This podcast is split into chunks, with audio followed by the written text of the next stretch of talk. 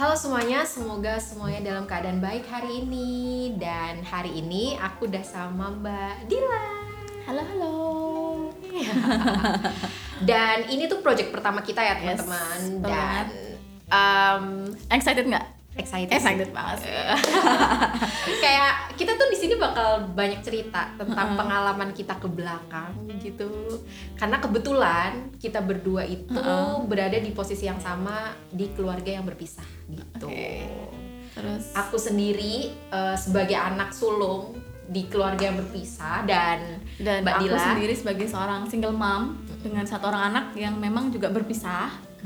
dan mungkin kita kenalan dulu kali ya. Iya, Aneh betul. aja kita nggak kenalan sebelum eh, ini kita ngobrol lebih lanjut.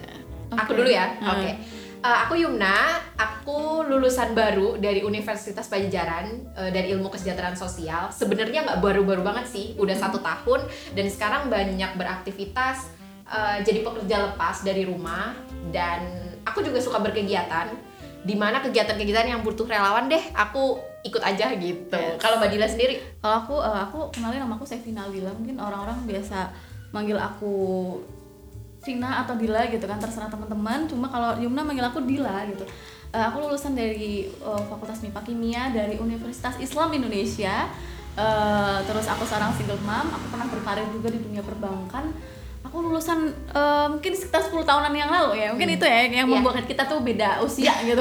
jauh ya udah kebayang kan jauh aku baru lulus satu tahun yang lalu dan mbak Dila udah 10 tahun 10 tahun yang yang lalu lalu. tapi nggak ngerti nih teman-teman kenapa aku sama mbak Dila tuh nyambung, Yes. right. entah aku yang terlalu tua atau mbak Dila yang kayak anak muda gitu tapi kayaknya aku sih yang kayak orang tua karena eh, kayak banyak orang yang bilang kayak aku terlalu dewasa untuk anak seumuran aku Ya dan, sih, dan, dan mungkin aku se- sebagai orang tua juga kayak anak anak yang Anak maksudnya karena, gitu. karena sebetulnya karena aku punya anak yang nantinya aku pengen explore dari orang-orang anak-anak seperti Yumna ini yang mungkin nanti aku akan eh, ya parentingku aku akan ngikutin untuk bisa ngikutin parenting ke anak-anakku nanti kayak gitu itu yang bikin aku pengen ngobrol sama Mbak Dila di sini gitu.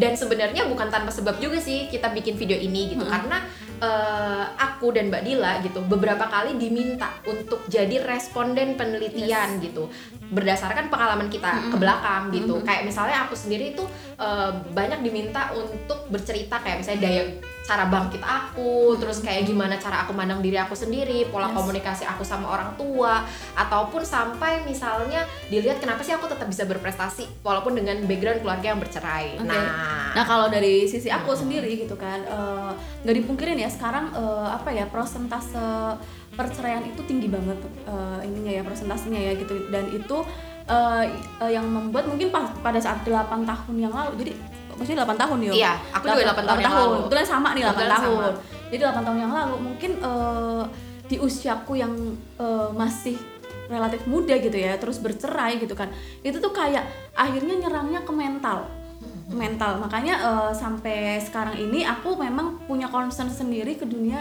eh, ke apa namanya ke dunia kesehatan mental gitu kan makanya dia di sini gimana caranya eh, stigma single mom di masyarakat itu supaya tidak terkesan gimana banget itu kan itu yang aku pelajari banget sih Yuk. Iya, dan aku juga sebenarnya kepantik gitu. Jadi kayak aku sebenarnya nggak terlalu percaya diri untuk bikin video ini gitu. Sama. Tapi tapi Mbak Dila tuh bilang kayak aku kalau misalnya dunia itu nggak berputar di kita aja deh katanya gitu. Kalau misalnya pengalaman yang kita alamin, Hmm. baik buruknya pengalaman kita tuh bisa jadi pelajaran untuk orang lain. Begitupun sebaliknya ya Yes, Mbak, right. kita bisa belajar juga dari orang lain gitu. Mm-mm. Dan dari situ aku mikir, iya ya, kenapa kita nggak sharing aja di platform yang semua orang tuh bisa lihat gitu Iya. secara mudah dan Uh-uh. aksesnya barangkali apa yang kita alamin tuh bisa jadi pembelajaran untuk orang lain dan barangkali cara penyelesaian yang udah kita lakuin itu bisa diterapin juga di kehidupan teman-teman yang merasakan hal yang sama gitu karena aku sendiri ya mbak jujur aja Mm-mm. eh apa ya selalu merasa kalau misalnya aku tuh dulu butuh bantuan gitu dan aku nggak tahu harus eh, minta, Minta ke mana ke mana. gitu jadi kayak dan aku juga banyak menyelesaikan masalah lewat-lewat pelajaran-pelajaran yang bisa aku ambil dari orang gitu sih jadi kayak ya emang menurut aku ya semoga aja ini kita bisa, Bisa, eh, sharing sharing, sharing ke sharing yang memang bermanfaat buat teman-teman yang kalian bisa ngambil insight-nya ya Iya, untuk bisa situ, mungkin gitu. ngambil keputusan-keputusan ke depannya seperti itu. Iya. Nah. Dan video ini tuh sebenarnya lucu teman-teman. Jadi di sini kita bakal kepoin satu sama lain Yes. gitu. Aku ngundang Mbak Dila, tapi Mbak Dila akan ngepoin aku lebih dulu. Yuna dulu. Gitu. ya. Jadi- apa sih Mbak?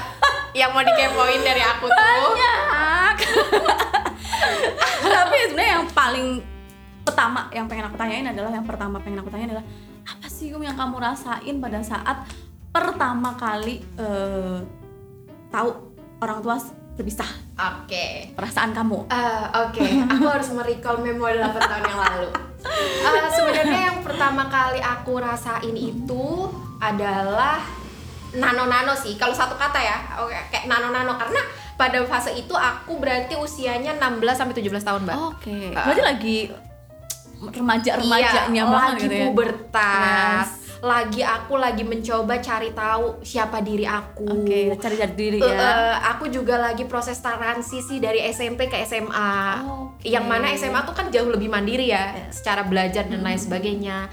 Aku juga lagi cinta monyet. oke Ya. fine Iya, aku lagi bener-bener Normal. yang ngerasain Hmm. namanya cinta monyet yang suka Hmm. sama orang, sayang sama orang belum bisa aku eh, kelola dengan baik gitu. Terus juga aku tuh fase itu itu ya kecewa banget sih sama orang tua gitu. Maksudnya konflik keadaan keluarga itu bikin menambah rasa yang macem-macem banget tuh. Jadi kayak perasaannya tuh seneng ada karena cinta monyet, tapi sedihnya banget juga ada. Jadi kalau seneng-seneng banget, kalau sedih tuh sedih banget gitu. Jadi nano-nano lah mbak. Kalau tapi tapi kata. kan waktu itu proses tuh nah Mm-mm.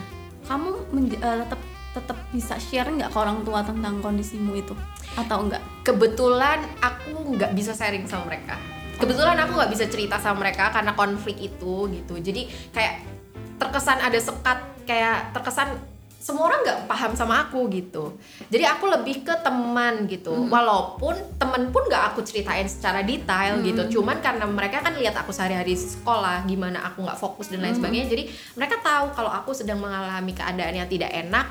Tapi mereka juga nggak tahu detail. Begitupun keluarga besar. Jadi kayak jadi kamu ada. hidup di kehidupan kamu sendiri Iya. like this. dan kamu nyaman nggak waktu itu? Untuk ada di posisi itu? Enggak, karena eh, jujur karena aku kan kecewa nih, maksudnya kayak Hmm. kecewa kayak aku punya pandangan ideal tentang keluarga di kepala aku gitu, yang yang jelas aku pengen ayah dan ibu aku tuh selalu bersama. Siapa sih anak yang nggak pengen kayak gitu? Karena kan di masyarakat kita juga kan idealnya seperti itu ya, Yes. kayak ayah, ibu, anak, Anak. hidup bahagia Bahagia. gitu. Mm. Uh, terus habis itu tapi pada kenyataannya aku tuh sayang sama mereka berdua tanpa nen- menitik beratkan satu pihak iya, gitu. iya, iya. Cuma sayangnya ya aku harus menerima kenyataan kalau mereka harus masing-masing gitu. Jadi karena kecewa itu jadi ya berat sih pada waktu itu gitu berat. Bahkan kayak sampai mungkin kayak aku tuh ngerasa kayak oke dunia aku berakhir. Oke oke aku nggak ngerti lagi nih harus kayak gimana nih. Aku nggak punya siapa-siapa nih. Terus aku ke depan bakal kayak gimana nih? Gitu-gitu kan gitu. Tapi ya sampai-sampai ya mbak pada waktu itu Hmm. tuh aku tuh ranking terakhir di kelas oh my god serius Iya, aku selalu ranking 31 dari 32, 29 serius? sampai dari 30. oh, oh berarti rata-rata anak eh tapi ya Mm-mm. eh, to be honest aku kan emang punya concern juga untuk eh, ke anak-anak korban perceraian ya Mm-mm. gimana caranya aku belajar dari mereka Mm-mm. itu kan ya apa yang kamu rasain sebenarnya dirasain sama Mm-mm. mostly anak korban perceraian juga kayak gitu loh jadi wajar normal gitu. Iya, jadi aku saking ke sekolah tuh raga aku di sekolah gitu, tapi pikiran aku tuh ngambang ke mana-mana gitu. Oh, pernah ada di posisi Ih, itu banget. Bahkan mungkin teman-teman aku nih kalau saya teman-teman aku masih inget kelas Iya. 10 gitu, kayaknya aku ke sekolah tuh isinya cuma nangis dah.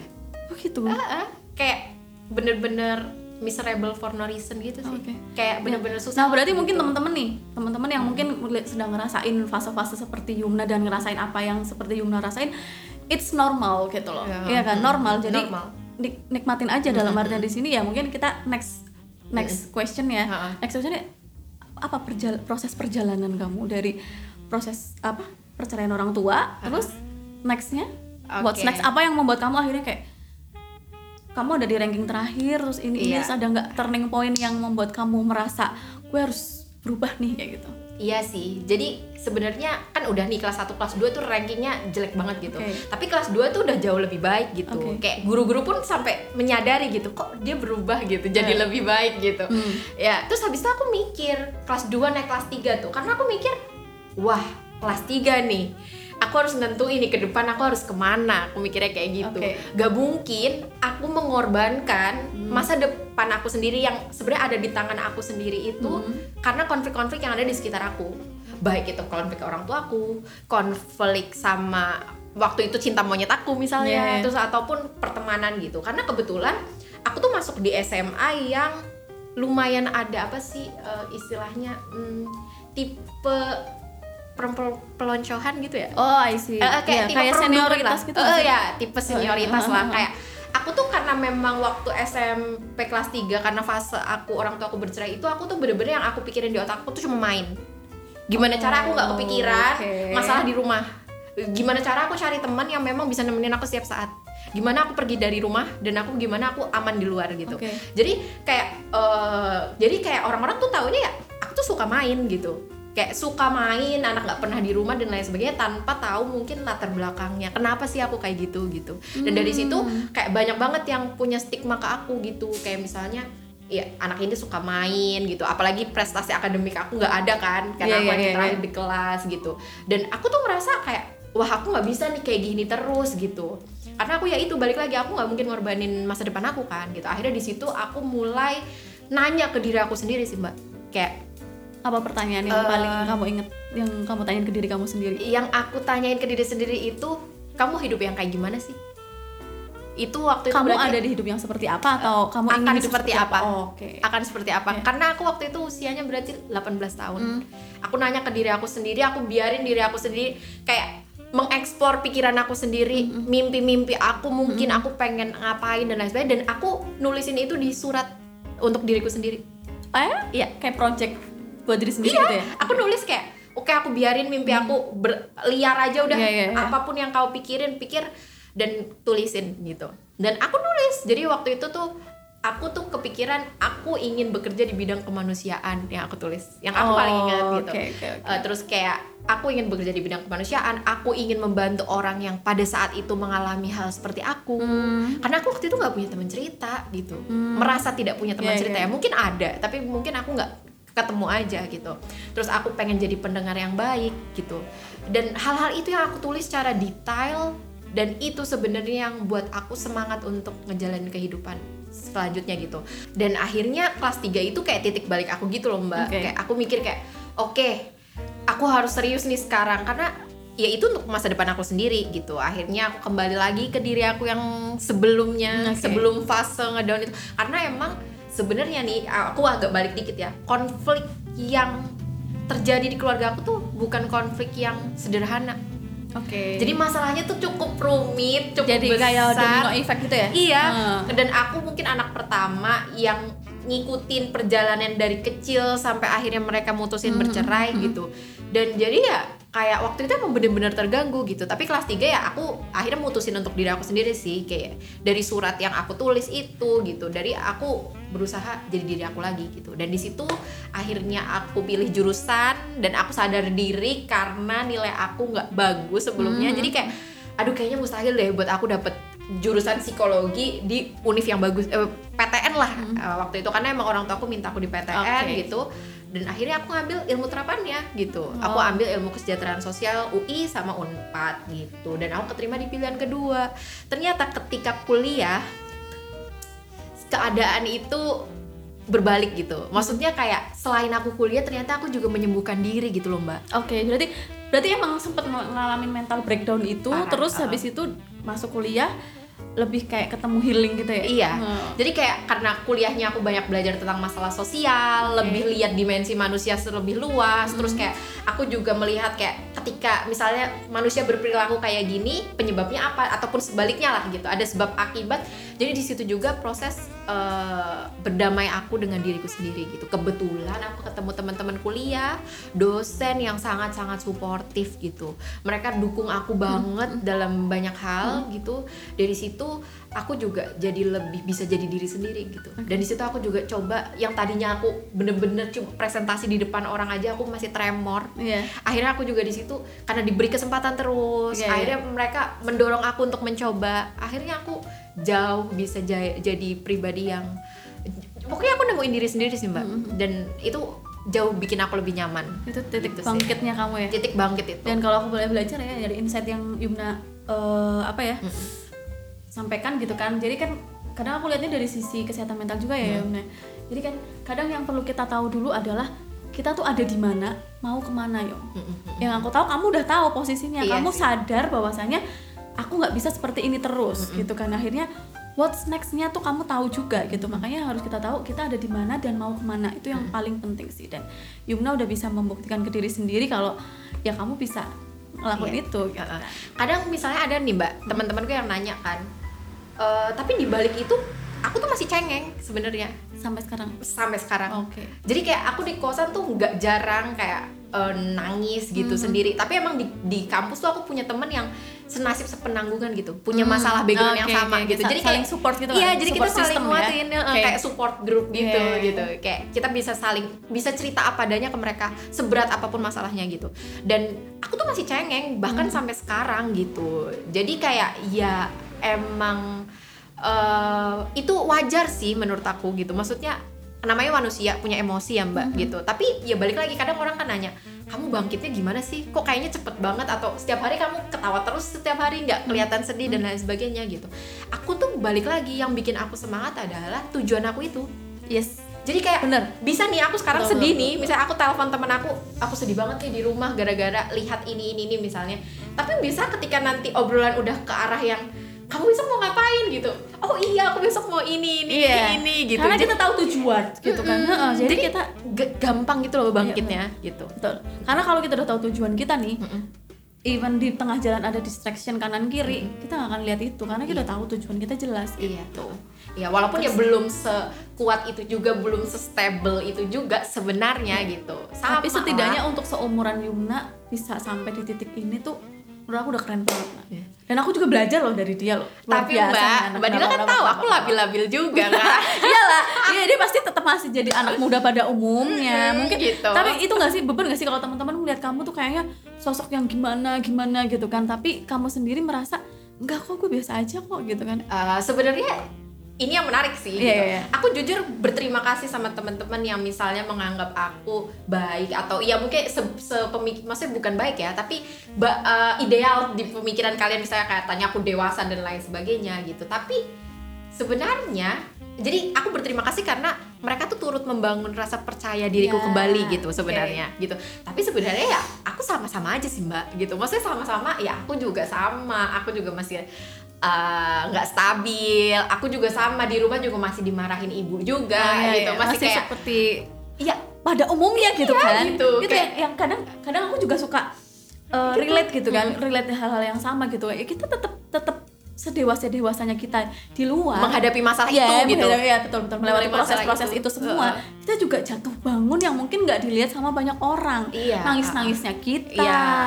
galau-galaunya kita gitu kan Iya, iya, gitu. Tapi ya nggak apa-apa sih menurut aku sedih, kecewa yang yang terus kita jalani itu tuh tetap bikin aku jadi manusia gitu loh, Mbak. Kayak Iya. kadang aku jadi ngerasa aku tuh bukan siapa-siapa dan nggak bisa apa-apa gitu karena ya aku sedih, aku juga manusia biasa Iya. gitu. Cuma dia aku berterima kasih sama teman-teman ketika menganggap aku misalnya karena aku berhasil melewati fase itu ya. Jadi kan orang punya pandangan kalau Ih, gila dia bisa berhasil melewati itu dan sekarang dia bisa stable gitu. Tapi ya sebenarnya tidak juga gitu sama-sama aja gitu. Di rumah aku masih suka dimarahin karena aku nggak disiplin. Iya, iya. misalnya masih pengen tidur banyak tidur gitu sama aja Eh, sama, ya. Mungkin karena lihatnya sama. wah Yumna tuh udah keren banget ikut apa sih Ini banyak- itu, iya, ini gitu. itu kegiatannya positif gitu kan. Ternyata sama aja ya. Eh, terus kayak waktu kuliah lagi eh, dulu kayak lebih terkenal ke arah akademik gitu mbak. Ah. kayak ih teh Yumna tuh yang kayak gini kayak gitu. Ya padahal ya sama-sama aja sih. Gitu. Aku juga pernah turun pernah naik sama wajar lah kayak manusia biasa. Cuma sebenarnya yang bedain tuh value sih. Iya, value mungkin. untuk orang melihat kita tuh value kita seperti apa. Jadi pada saat mungkin yang mereka lihat cuma value kita tapi tidak tahu di belakang layar tuh seperti apa. Tapi sebetulnya justru itu kan yang harus kita share ke orang bahwasanya nggak Iya. mungkin kan kita nangis nangis depan orang segala Iya, macam iya, gitu kan. iya. itu Iya. yang kamu dari jadi manusia itu kan Iya sih, iya sih. Karena aku nggak pernah nunjukin sih, jarang banget nunjukin. Karena aku sekarang cerita kayak gini pun aku di titik sudah berdamai lah, maksudnya dengan keadaan gitu. Karena titik baliknya juga ketika aku wisuda gitu, keadaan jauh lebih baik dan menurut aku ke depan akan selalu baik gitu. Mhm. Jadi kayak mungkin eh, orang tua aku pun menyadari karena kan eh, wisuda tuh yang masuk cuma berdua kan. Hmm. Eh, jadi kayak mereka masuk bareng dan mungkin menyadari kalau misalnya ya buat apa berkonflik terus menerus kan gitu dan anak juga udah pada gede aku juga udah dewasa gitu akhirnya di situ juga titik balik yang sekarang sudah baik dan akan selalu baik dan 8 tahun yang kemarin ya udah proses aja hidup aku memang seperti itu gitu harus aku terima dan gitu proses 8 tahun itulah yang membuat Yumna ada di titik sekarang kan jadi Iya. yes betul proses itu yang harus diterima kadang orang kan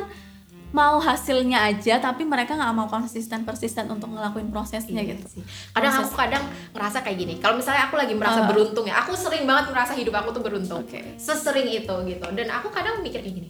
Ya ketika aku lagi ngerasa beruntung banget nih, aku langsung kayak menyadari diri kayak gini. Ya ampun, kali aja emang sih yang kemarin aku jalan itu berat, sakit Hmm.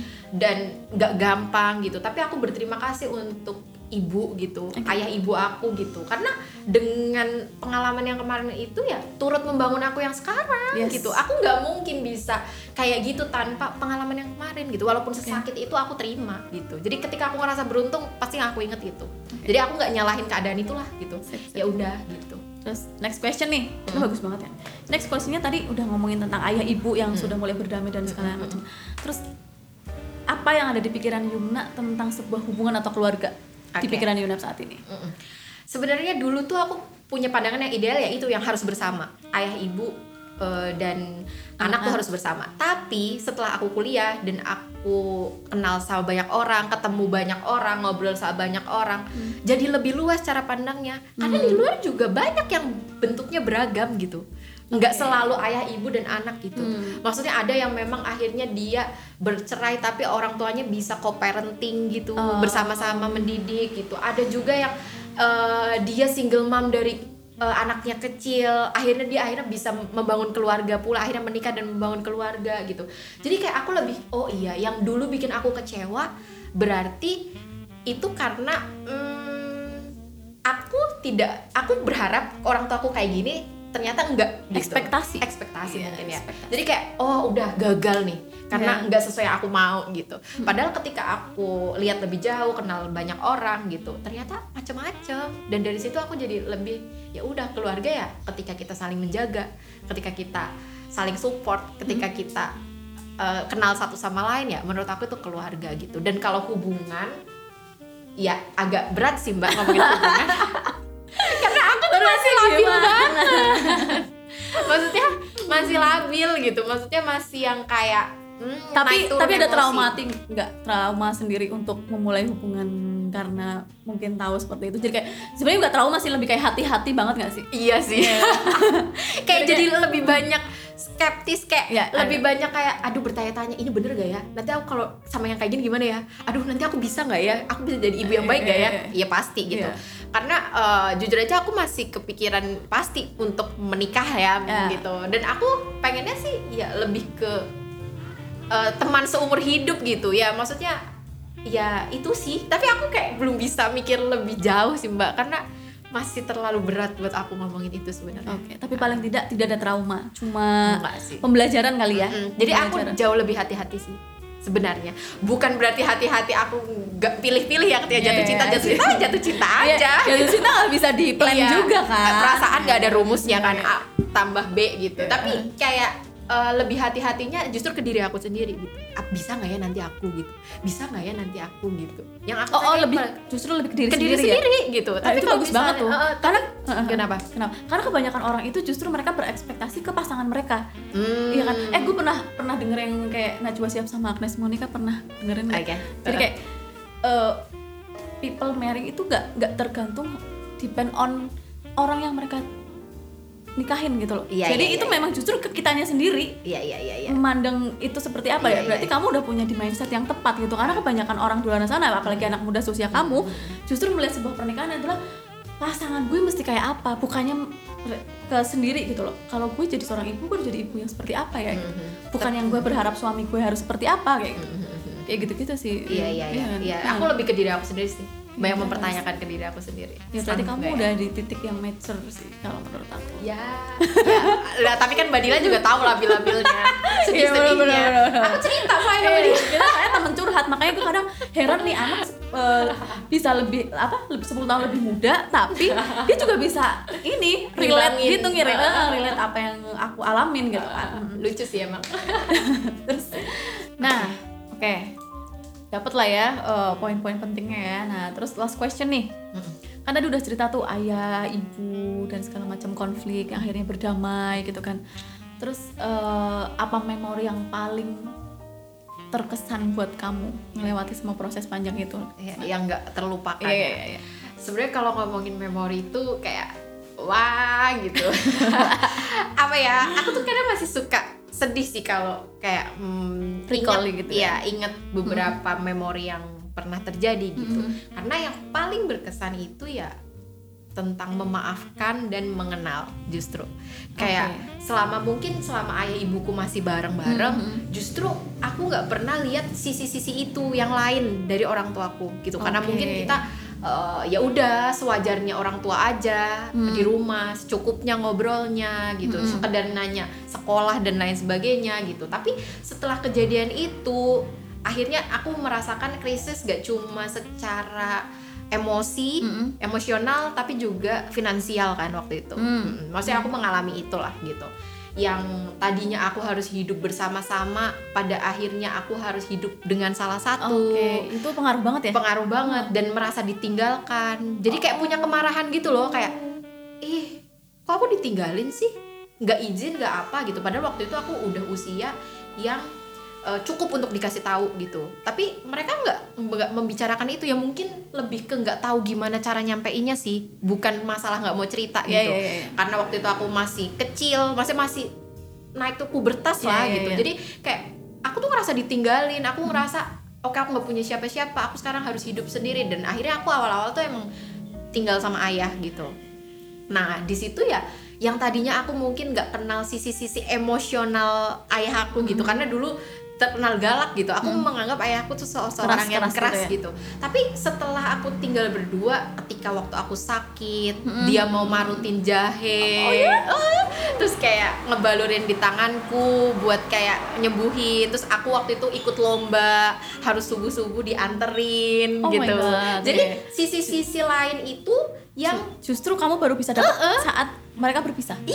dan Oh. mungkin i- eh ada aku pun yang tinggal cuma sama ibu Mhm. akhirnya memutuskan ikut ibu gitu. Mungkin punya memori-memori indah yang sama yang nggak Oh, pernah yang kita pernah rasain rasain. Justru pada sebelumnya saat orang tua masih sama-sama gitu. Jadi oke. ketika itu ya akhirnya aku mengenal. Begitupun aku ke ibu aku gitu. Mungkin kita sama-sama punya sentimen atau perasaan yang nggak enak yang terpendam. Yang pada akhirnya ya oke gitu. Akhirnya kita saling mengenal akhirnya merasakan yang namanya dipeluk dicium afeksi yang sebenarnya ya setelah itu gitu. Jadi aku merasa memori yang paling indah yaitu berusaha mengenal orang tuaku dan memaafkan ya udah gitu.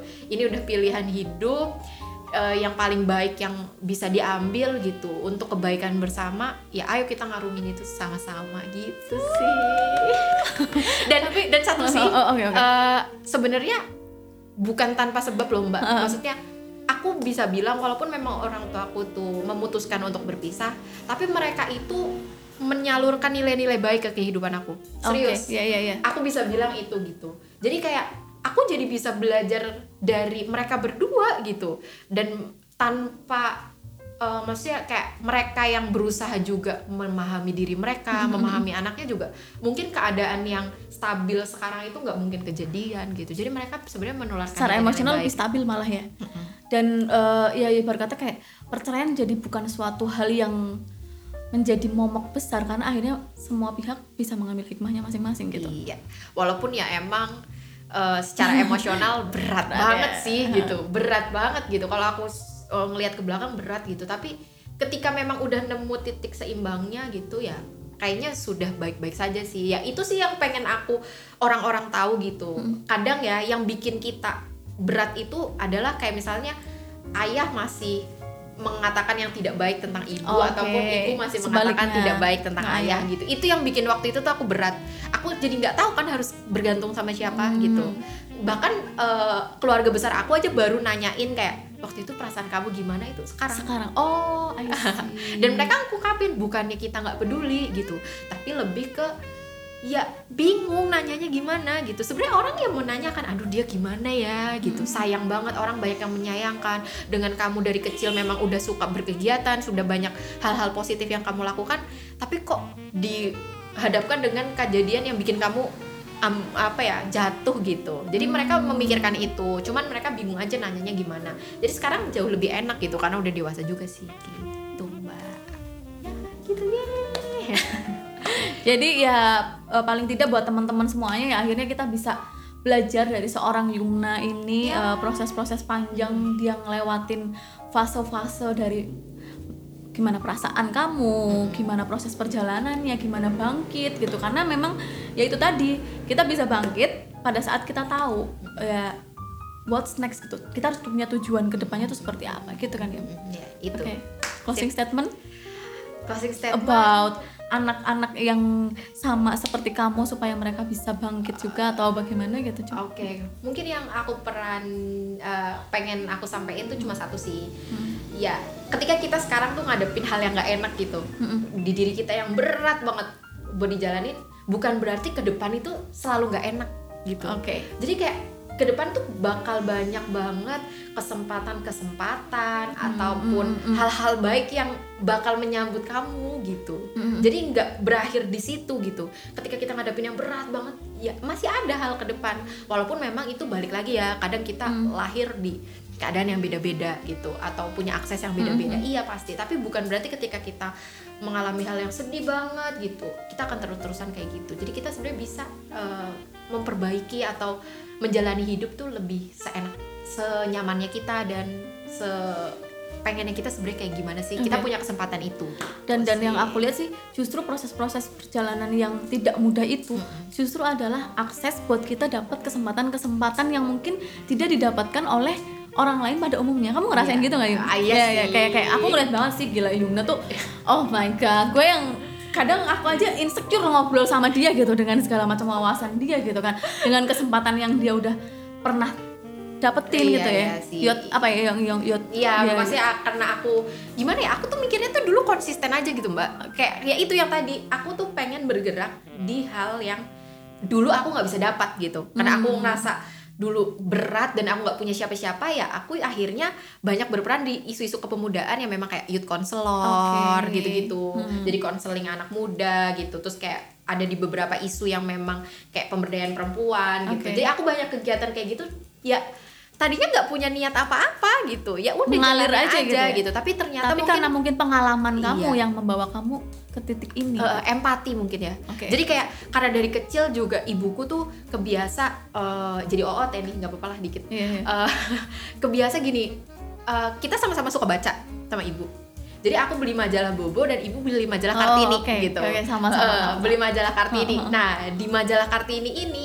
walaupun aku udah selesai maja- baca majalah Bobo aku dibolehin baca majalah Kartini Oke. yang istilahnya itu kontennya untuk wanita dewasa Heeh, gitu jadi aku emang dari kecil itu kayak kebiasa apa ya kepo-kepo lebih gitu sama hal-hal yang terkait perempuan Perempuan. terus kayak masalah Feminis gitu keluarga ya. Heeh. gitu kayak dulu aja ada segmen oh mama oh papa di kartini itu cerita tentang masalah-masalah oh, keluarga. Oh, oh, kamu boleh? Boleh baca itu. Itu berarti ta- tapi belum kejadian kan? Belum kejadian. Dan Tapi- aku setelah kejadian Hmm. aku ngirim ke rubrik kartini. Oke.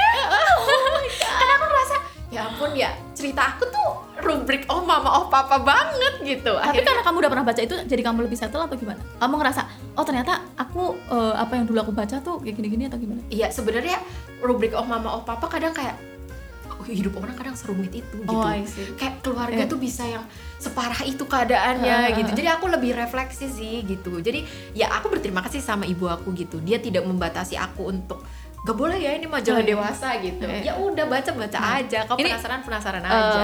sesi-sesi ini pasti kita bakal bahas, Bahas di nanti ya. next session Iya, ya yang pasti pastinya akan bakal seru banget Iya, gitu. gitu. Oke. Jadi gitu sih. Berarti ya mungkin itu aja kali ya Hmm. yang bisa kita sharingin dari seorang Yumna yang ternyata dia walaupun dengan segudang prestasinya dia tetap jadi anak muda pada umumnya yang sama Iya, kayak sama kalian aja. semua juga sama, gitu. Sama bro. Jadi gak usah segan-segan kalau ngobrol ya. Enggak kok, biasa aja. Oke. Oke. Oke, dadah.